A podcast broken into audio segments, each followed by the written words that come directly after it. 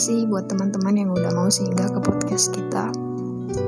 Sejenak, gue mau ngajak lu pada untuk bercerita sejenak tentang senja di Jakarta.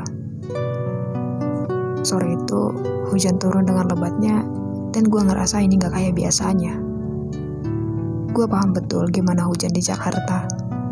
Secara, gue sering banget main sama teman gue pas kecil, dan sering juga main hujan sampai dimarahin nyokap.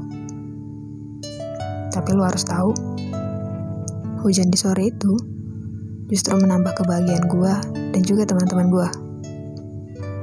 Sekarang hujannya udah beda. Karena gue jurusan meteorologi, dan gue rasa ini udah mendarah daging. Gue gak pernah absen untuk menjelajah semua aplikasi forecast buat tahu cuaca hari ini atau yang bakal datang. Semua sumber berkata hujannya cuma hujan ringan, tapi ini benar-benar keterlaluan. Benar-benar gak bersahabat. Gue gak ngedapatin gemuruh petir disanding rintik-rintik yang gemas sama kayak pas gue masih bocah. Gue tahu perubahan iklim itu nyata. Gue tahu pemanasan global itu bukan karangan semata. Gue tahu kalau Jakarta mungkin gak bisa kembali seperti sedia kala. Gue tahu dan gue yakin lu pada juga udah berusaha kan buat ngurangin dampaknya. Udah berusaha juga kan buat menekan lajunya. Udah pakai tumbler, udah ngurangin plastik, ngurangin pakai kendaraan bermotor. Terus apa? Kenapa dampaknya sama aja?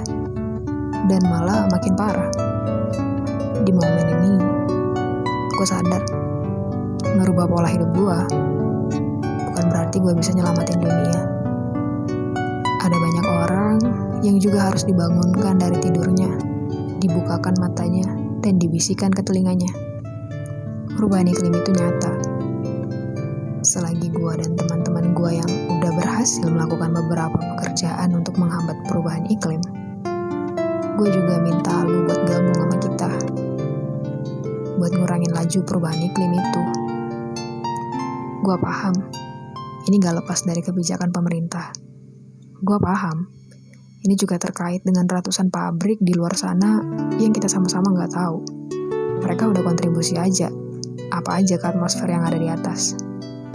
Kalau pemerintah tutup telinga dan para investor terus merajalela untuk menyiksa alam kita, gue cuma bisa berharap kita masih punya visi yang sama.